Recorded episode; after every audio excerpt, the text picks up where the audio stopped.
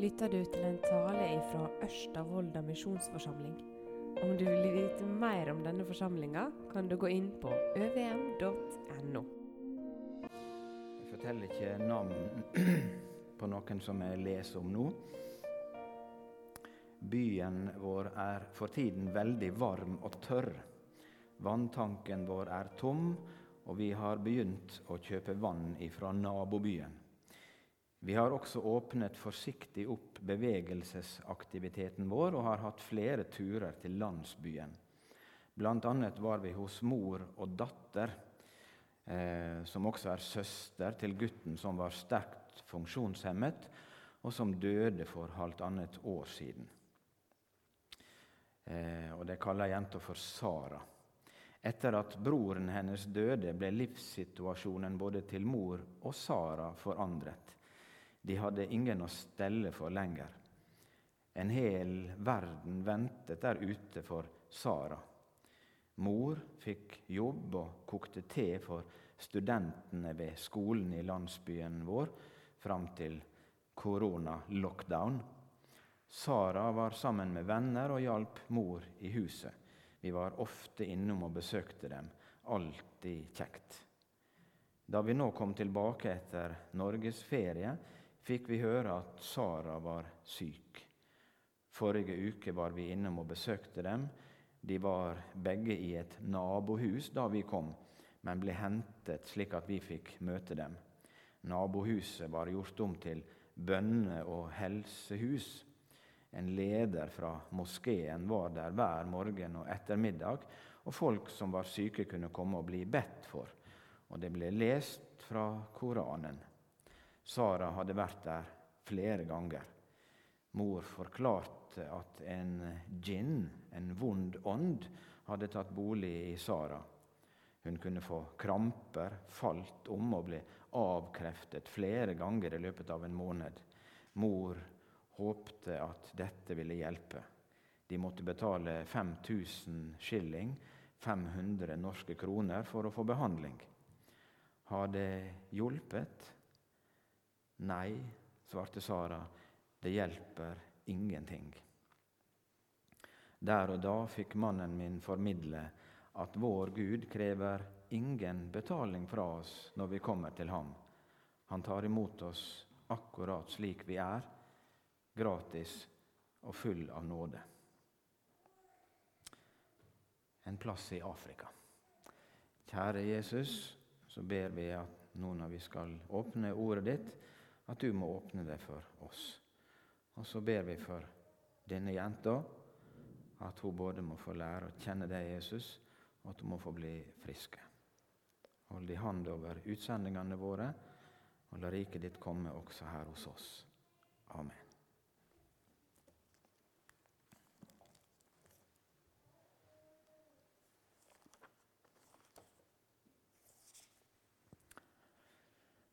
Ja, Det var bare et lite bakgrunnsbilde fra Beiarn i Nordland. Det er heimbygda hans pappa. En fin plass på jord. Så jeg er 50% nordlending. Visste alle det? Nå har alle hørt det. Ja. Det er kry av. En flott plass på jord. Allehelgens søndag heter søndagen i dag. Vi skal lese de første orda i Jesus si bergpreike. Ehm, den var holdt på et fjell, ja. Er ikke det rart å tenke på alle de viktige tinga i Bibelen som skjedde på et fjell? Har du tenkt på det? Hvorfor det? Nei, Det vet jeg ikke, men det er helt påfallende. Jeg tror du og jeg fort kunne ha klart å tenke ut noe sånne. sant? Kanskje var det fordi at eh, han ville vise oss at her er noe som står klippefast og er varig. Um, nå tror de at de veit hvilket berg det var han var på når han holdt denne bergpreika. Uh, og det er kanskje greit for oss sunnmøringer at det heter berg og ikke fjell, for det var ikke så veldig høyt. Og så har det vært diskutert eh, hvem var det som hørte eh, denne bergpreika første gangen. Slik som teksten begynner i Matteusevangeliet. Nå leser jeg siste linjene i kapittel fire. Eh, først ei stor folkemengd følgde han. Fra Galilea og Dekapolis, fra Jerusalem og Judea og fra bygdene bortenfor Jordan. Da Jesus så folkemengda, gikk han opp i fjellet. Han satte seg, og læresveinene samla seg om han. Um, ja, jeg har bare lyst til å filosofere litt over dette først. fordi at Når vi leser Lukas sin måte å fortelle eh, og det ser ut som dette her kan være samme gangen, da sier han Jesus gikk opp i fjellet for å be. Og så står det han var der hele natta i bønn. Da er det noen av oss som kan tenke litt over vårt eget bønneliv. Han var der hele natta i bønn. Og så skriver han Lukas da det vart dag, kaller han til seg læresveinene sine og valgte ut tolv. Og så har jeg tenkt på, når han var der og ba hele natta, hva ba han om da? Da har jeg tenkt at han ba for én og én av disse tolv. Livet deres, det som venter dem. Ja, det tror jeg han gjorde. Tenk, han brukte hele natta. Én og én. Han sa det jo det en gang til når Peter 'Jeg ba for deg'. Um, ja, jeg tror kanskje dette her kan ha vært samme gangen. Og det var ved nordenden av Genesaretsjøen, det er de visst sikre på. Eh, i nærheten av Kapernaum, eh, dette berget eller fjellet som, som han var på. De mener endatil at fjellet heter Eremos. Hvem som har vært oppå det fjellet? Få se. Ja? Nei? Ja? kan vi prate litt om etterpå. Um, i alle fall Hvis det var det fjellet som de, de mener det var, så er det ei sånn lita grotte. Og så har de tenkt ja, kanskje det var den bønneplassen til Jesus. Akkurat der. Har du forresten en sånn bønneplass en eller annen plass? Noen av dere som har funnet en sånn bønneplass oppe i fjellet eller borti skogen, eller noe sånt, der du av og til går for å være aleine? Det var et tips. Det var et tips. Jeg tror kanskje det var der. Og så og så når han, eh, når han Eremos betyr forresten en aud stad, der en kan være aleine, altså. Når han Lukas forteller, så sier han at etterpå så går han ut på ei slette, og så holder han det som blir kalt for slettepreika for folket. Så det kan jo være at han har samla læresveinene sine rundt seg, og etterpå så får folk liksom høre en kortere variant av det. At det er derfor vi har to sånne taler som ligner sånn på hverandre. Ja, Nå skal jeg ikke holde på lenger med dette, men jeg hadde lyst til å spekulere litt på det. I alle fall så skal vi lese begynnelsen på den talen han holdt, og da har han disse her rundt seg.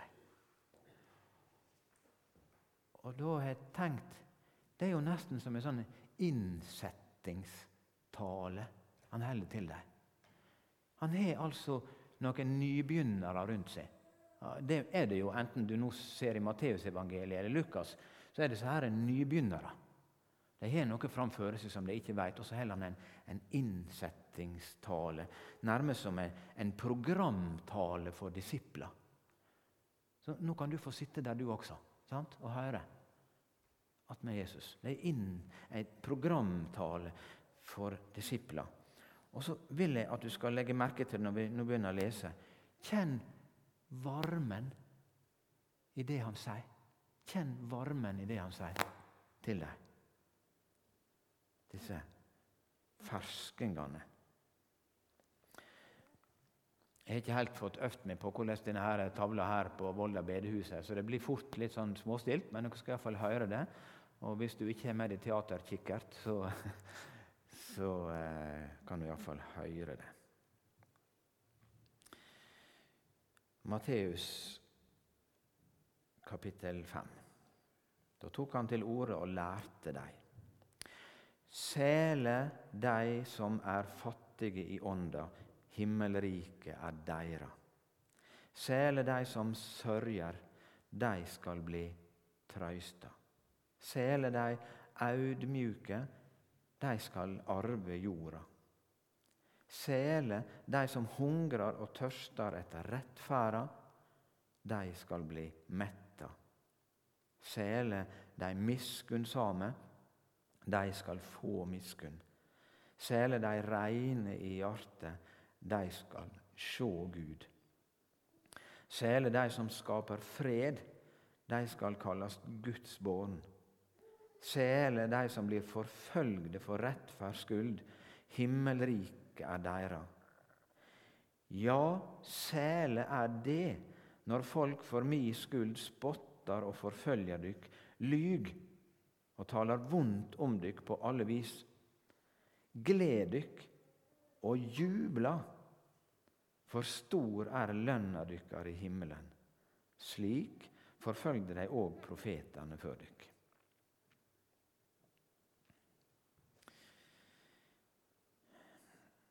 Kalte det for en programtale, men jeg lurte på kanskje vi kunne ha en annen overskrift også. Og si at nå lærer Jesus oss hva sann lykke er. Han lærer oss hva sann lykke er. Guds rike er salighetens rike. Jeg kommer til å bruke litt om hverandre det ordet sel og salig. Guds rike er salighetens rike. Og en dag skal vi få se det med egne øyne. Og Det minnes vi litt om i dag når det er allehelgens eh, dag. For en stund siden så tok vi avskjed med Gjermund Nyborg eh, her i Volda. Han var min gode husvert eh, når jeg gikk på videregående her. Eh, en fin mann. Nå har han nådd hjem til han som han trodde på. Velsigna være minnet oss Gjermund. En dag skal vi få se det med egne øyne. Ei setning fra Salme 17. Når jeg våkner, skal jeg mettast ved synet av deg. Salme 17. Når jeg våkner, skal jeg mettast ved synet av deg. En dag, en dag. Og likevel, legg nå merke til at Jesus sier 'sele er'. Salige er. Det er jo noen som sier 'salige er de døde'. Det står ikke i Bibelen. Nei. Og religionene, så mange som de er, så lokker det med 'salige blir'. Men sjekk den forskjellen når Jesus sier 'salige er'. Det er frelsesvisshet. Tenk det i denne teksten. Er. Det går an å, å ha det sånn her, og eie dette store som er saligheten. Det syns jeg var et poeng som verdt å stoppe og tenke litt på. Trass alle mangler og kamper som det står om her. Og, disse her som nå sitter rundt om nå, kommer ikke de til å få oppleve mangler og kamper og nødrop? Det visste Jesus, og det kom. Og midt i det sele salige. Jesus lærer oss om ei lykke som er slitesterke. Hva kommer livet ditt til å by på framover i vandringa med Jesus? Tror du det blir lett? Det veit vel ikke du, men det veit han. Men han sier 'salig er'. Det er ei lykke som er slitesterke. For det er lykke som ikke er det vi tenker her på jord. Vi tenker lykke det er å ha hellet med seg. Sant? Noen har det. Noen hadde det kanskje ikke så mye. Ha hellet med seg. Nei, det er slitesterke lykke, også når det blir nødrop. Jeg spurte jeg spurte ei jente hva skal du bli når du blir stor. Det, det bruker voksne å spørre om. sant? Hva skal du bli når du er stor? Og Så sa hun litt lurt på meg, og så sa hun jeg skal bli lykkelig. ja, fin plan. Jeg skal bli lykkelig. Vet det? Nå, nå skulle jeg ha kunnet det tegnet, men, men på tegnspråk salig, eller sel, vet du hva det er på tegnspråk? Det kan godt hende noen som vet det. Da, da kobler det sammen tre tegn. Vet du det, Inger? Nei. De det kobler sammen tre tegn. Det er glede, og så er det heime, og så er det hos Gud. Det er sel, salig, på tegnspråk. Glede, heime, hos Gud. Og tenk da å ha den lykka her. Det er Jesus sine ord.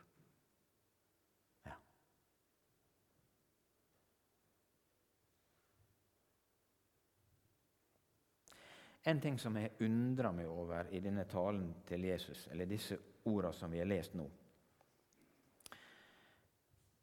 Vi tenker at vi er lykkelige av det vi har. Men disse som det står om her, de blir prisa lykkelige av det de ikke har. Ser du? Tenk så baklengs. Å ikke ha, også på grunn av det være lykkelige. Det er akkurat som et kjennetegn. Læresveiner som sakner så mye, og som må kjempe, og, og som kjenner på mangler og som er salige. Så lykka er ikke det å få alt det som vi ville ha, men det er annerledes. Og så dette uttrykket å være fattig i ånda.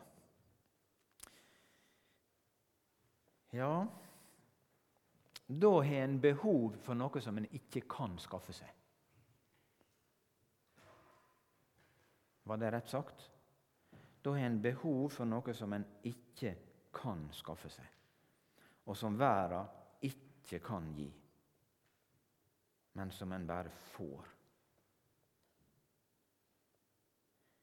Jeg tror jeg har lagt merke til det med meg sjøl, at oftere og oftere når jeg ber, så holder jeg hendene mine sånn. Gjør du det av og til? Liksom Bare for å fortelle meg sjøl at jeg har to tomme hender og bare må få. Det minner meg litt om dette som han sier her. Sele de som er fattige i ånda.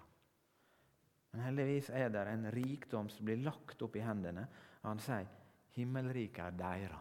Lurer på om han smilte når han sa det. Himmelriket er deira. De får. Og, og, og ja, Det er ikke bare det at de får, men disse som er fattige, gjør andre rike. For du ber på en, en, en, rikdom som kan deles, og som blir bare større til mer du deler med andre. For du får. Og så sier han 'sele de som sørger'. Sele de som sørger. Det er nå mange slags sorg, men jeg, jeg tror når han snakker om sorg her, så er det sorg over synd i livet mitt, sorg over de som ikke tror, eller er kommet bort ifra Jesus, og sorg over all synd som jeg ser rundt omkring meg. Tror du jeg er på sporet nå?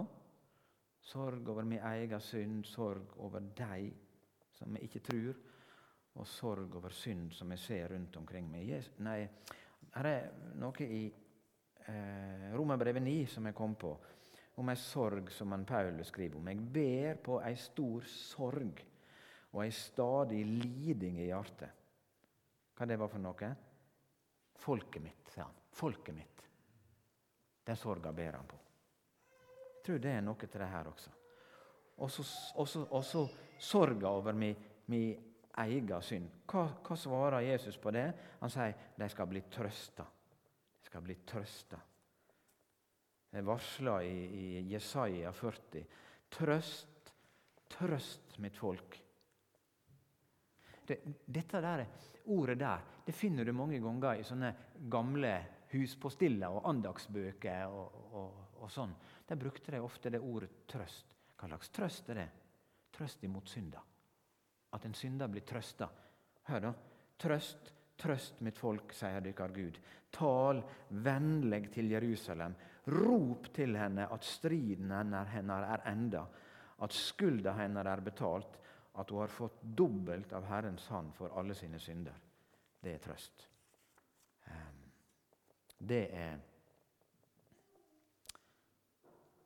Det er disippeltrøst. Disipler trenger sånn trøst. Disipler trenger sånn trøst. For de kjenner ofte på sorg over alt ureint her inne. Sjele de audmjuke. Ja, Det er visst oversatt litt forskjellig i biblene. Noen bibler skriver tålsame, noen skriver saktmodige. Men nå var det dette ordet som sto her. da. Sele deg, audmjuke. Vet du hva sann kristen eh, audmykt, eller eh, ydmykhet består av? Den består av to ting. Eh, sann kristen audmykt består av to ting. Det ene er at en ser sin egen synd og brest. Og det andre at en ser sin fullstendige avhengighet av Gud. Det er to ting. Så å være audmyk betyr ikke altså gå, gå og se ned og være som en skudde og være usynlig. En, en, en som er audmyk, kan godt være myndige. Men en ser sin egen synd og brest og sin egen avhengighet av Gud. og Derfor kan en se andre inn i øynene i øyehøgde og ikke overfra og ned. Det er den audmjuke. Sele de audmjuke, sier Jesus. Hva de skal? De skal arve jorda den nye jord, når han skal gjøre alt nytt. Du er arving til all hans eiendom. Enda du kjenner sånn på, på mangel. Det er nærmest som en kvalifikasjon i Guds rike. Og Da er det rom for deg og meg. Um, jeg har en tjukk bok hjemme, en sånn studiebibel som heter 'Bibelen ressurs'. Kanskje noen av dere ser den også. Den er veldig verdt å anbefale. Og Der står det om bergpreika at det er ikke en frelsesvei for fortapte. Så Det er ikke frelsesveien som blir forkynt. Det er ikke en frelsesvei for fortapte, men en livets vei for rikets ekte barn. Så Det er ikke slik at du skal lese dette her, og så skal du prøve om du kan oppfylle dette der. Og hvis du klarer det, så er du på rette sida. Men det er talt til hans egne som har tatt imot eh, hans innbydelse og vendt om og begynt på veien i lag med han. Og som, og som er varme, så sier han til dem her er veien. Sele de som hungrer og tørster etter rettferda Hmm. Er ikke det rart at en disippel, en læresvein, kan ha det sånn? At en læresvein, en disippel, hungrer og tørster etter rettferd? Syns ble dette her litt enspora preike? Men det, det, ligger jo her i teksten. Tenk å være en disippel og så ha det sånn Å, om jeg bare kunne bli kvitt synda. Noen av dere som kjenner det? Å, om jeg bare kunne bli kvitt synda. Ja, det er et disippelproblem. Hungrer og tørster etter rettferd. Først og fremst i mitt eget liv. Og Den hungeren blir stilt hos Jesus. De skal bli metta, sier han. For det er å få.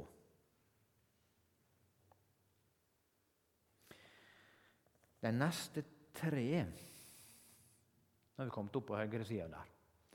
De neste tre de er nærmest som noen egenskaper som Jesus vil prege inn i sine læresveiner. Hvis du er i lag med Jesus, sånn som læresveinene var, ser han og hører hans ord, så har han noe på gang med sine læresveiner. Han vil, han vil forme, prege disse kjennetegnene inn. Det er omtrent sånn som hvis du skulle prege et, et, et, bilde eller et merke inn i en mynt. Da må det metallet varmes opp sant? til en høy temperatur, og så preger du det inn. Omtrent som en, en, en, verkstad der noe blir, blir, blir forma eller prega. Og Det vil han gjøre i livet ditt. Han vil varme deg med sin nåde. Og så, og så vil han prege inn sitt bilde som vi ser i disse ordene her. Ehm. Ja, kanskje også, kanskje også i livet ditt vil han tilføre enda høyere temperatur og føre det gjennom ei eldprøve. Noe som du ikke hadde ville valgt sjøl i livet ditt. Men gjennom det så får han forma noe og prega noe. Noen av dere har vært gjennom slike fryktelige ting i livet, men du veit at det ble ei forming. Han fikk prega bildet sitt inn. Miskunnsame, reine i hjertet og fredsskapere. Og Så ser vi at det er jo akkurat slike mennesker verden trenger. Miskunnsame, reine i hjertet og fredsskapere. Og Det er jo ikke noe annet enn bildet av Jesus som han vil forme i deg. Barmhjertig heter det på bokmål. Her står det 'miskunn', men i bokmålsbibelen står det 'barmhjertig'. Det er veldig vanskelig ord å forstå, men egentlig ikke så vanskelig. For Hvis du er barmhjertig, da har du hjertet i barmen. ja, og da har du nemlig hjertet på rette stedet. Har dere sett noen episoder til den? ja. Det er simpelthen forklaring av ordet barmhjertig. Det er å ha hjertet på rette stedet. Og hvor det trengs mennesker i denne verden som har hjertet på rette stedet. Altså Noen merker denne varmen, og det vil han prege inn. Reine i hjertet. Sikkert noen som kunne holdt en god preik om det også. Men det må iallfall være det at du møter noen som en alltid kan stole på. Sånne mennesker trengs i denne verden, som en alltid kan stole på. Ja, noe helstøpt. Det vil han støype inn i livet ditt. Altså mennesker som kan skape fred, være fredsmenneske. Du kjenner noen sånne. Det er godt det fins noen sånne. Jeg husker forresten akkurat nå at ei tid når Kenya var i ei fryktelig krise etter valg, og det var store Mye uro og, og, og eh, og harde fronter og hat og fiendskap, så fikk noen av våre misjonærer være med i forsoningsarbeid. Fikk en veldig viktig rolle i det. Å være fredsmenneske. Det å representere Jesus, ikke bare i store konflikter, men hjemme på kjøkkenet. Ja, sæle er det når folk for mi skyld spotter og forfølger dykk, lyg og taler vondt om dykk på alle vis. Gled dykk og jubla, for stor er lønna dykkar i himmelen. Slik forfølgde dei òg profetane før dykk. Sele dei som blir forfølgde for rettferds skyld, himmelriket er deira. Um.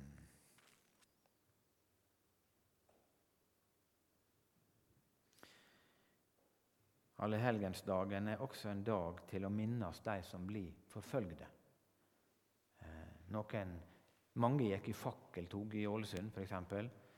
Eh, for å minnes og, for, og be for de som er forfølgde. I stad hører vi ifra eh, både Gamletestamentet og Nytestamentet noen tekster som peker mot, mot, mot himmelen og lønna i himmelen. Eh, når vi skal få møte Han. Og det står om lønna dykkar i himmelen. Har du noen tanker om hva lønna i himmelen kan være? Ja, det går sikkert an å holde ei preike om det også. Men jeg tenker bare på dette ene som, som vi hører fra Johannes' åpenbaring, når Gud skal tørke tårene av kinna. Um, da ser jeg for meg at tørk, når Gud skal tørke tårene av, kinn det Fryktelig mye folk. det, det, det, kan ikke være at han setter på en sånn føner så han tørker liksom alle på en gang. for det undergjort. Nei, det er bare det at i himmelen er ikke noe problem med tid. Så jeg ser for meg at han vil ta sin tid med én og én. Ta sin tid med én og én. At du skal få lov til å fortelle om alt dette som har vært. Noen har vært gjennom grusomme ting av forfølgelse her i livet. Og noen har hatt mange ting å gråte over. Og så vil han høre det. Og for siste gang så skal tårer tørkes vekk. Og det skal han gjøre. Det skal du få oppleve. Det må være lønn. Høre hva du gret for, og tørke tårer bort. Ja, vi feirer alle allehelgenssøndag for å minnes de sele, de salige som er nådd hjem. Og Så skal vi tenke på dem, ikke bare for å sørge, men for å, for å bli oppmuntra til å fortsette på veien hjemover. Av og til kaller Bibelen de truende for heilage, og noen ganger har vi altså brukt ordet helgene. When the saints go marching in. Det er, det de heilage, de som er nådd fram. De hellige. Og så vil vi ha solidaritet med de hellige som blir forfulgt på denne jorda. Være med å be for dem. Skal få høre bitte lite grann om det her etterpå, tror jeg. Men så har jeg lyst til å legge til, hvis du fortsatt er våken Det er vel noen hellige rundt oss som lever i dag også. Som ikke er sånne helgener som er nådd hjem til himmelen, men som, som er her. Um, og for eksempel Hvem tenker du på som har lært deg om, om Jesus? Hvem er det som har betydd noe i livet ditt på den måten at de har, har, har hjulpet deg til å tro, og som har vist deg vei? Hvem er dine helgener? Vi ta en tenkepause på det? Eller kommer du på noen med en gang? Hvem er dine helgener? Og Bare som et lite forslag eh, Kan det hende at du skulle ha, ha, sendt en melding eller tatt en telefon eller skrevet noen ord til en av dine helgener så, som har vist deg vei, og som har betydd noe for deg? Og, og kanskje akkurat du også skulle få være en sånn en for noen. Ja, enn om noen skulle sende ei hilsing, et takk til noen. Det skulle vi huske på å gjøre.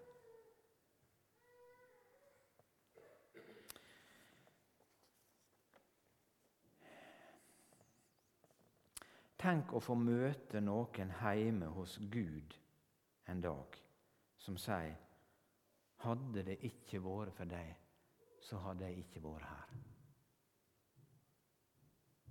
Og om vi kunne få oppleve det. Hadde det ikke vært for deg, så hadde jeg ikke vært her. Og Kanskje du også tenker på noen som du kommer til å si det til. Hm. Ja Jeg vet ikke hva du hadde forventa deg i dag, men det ble iallfall noen ting eh, om disse ordene fra Jesus. Og det er iallfall herlige ting som Jesus kaller disse disiplene sine til. Jeg vet det at Nesten alle de som satt rundt henne, de kom til å bli tatt livet av fordi at de ville følge Jesus. Så det var vanskelige ting som møtte, og likevel herlige ting eh, som Jesus kaller dem til. Og så, La meg få lov å si det eh, til slutt. For det oppdaga jeg kom jeg til å tenke på etter at jeg kom her på bedehuset i dag. Nå, nå snur jeg meg og ser på teksten. Legger du merke til det? At hele veien så er det lovnader ifra Jesus. Ser du det? Den ene etter den andre. Det er lovnader. Sikre lovnader. Det mangler totalt i religionene. Det er bare leit. Ja, det kan komme med, med falske forventninger og, og, sånne ting som aldri vil gå i oppfyllelse. Men Bibelen og Jesus sine ord er jo fullt av trygge, sikre lovnader til sine disipler om det som venter. så trygt å få legge sitt liv eh, i det. Eh, og for en god Herre å tjene eh, og følge.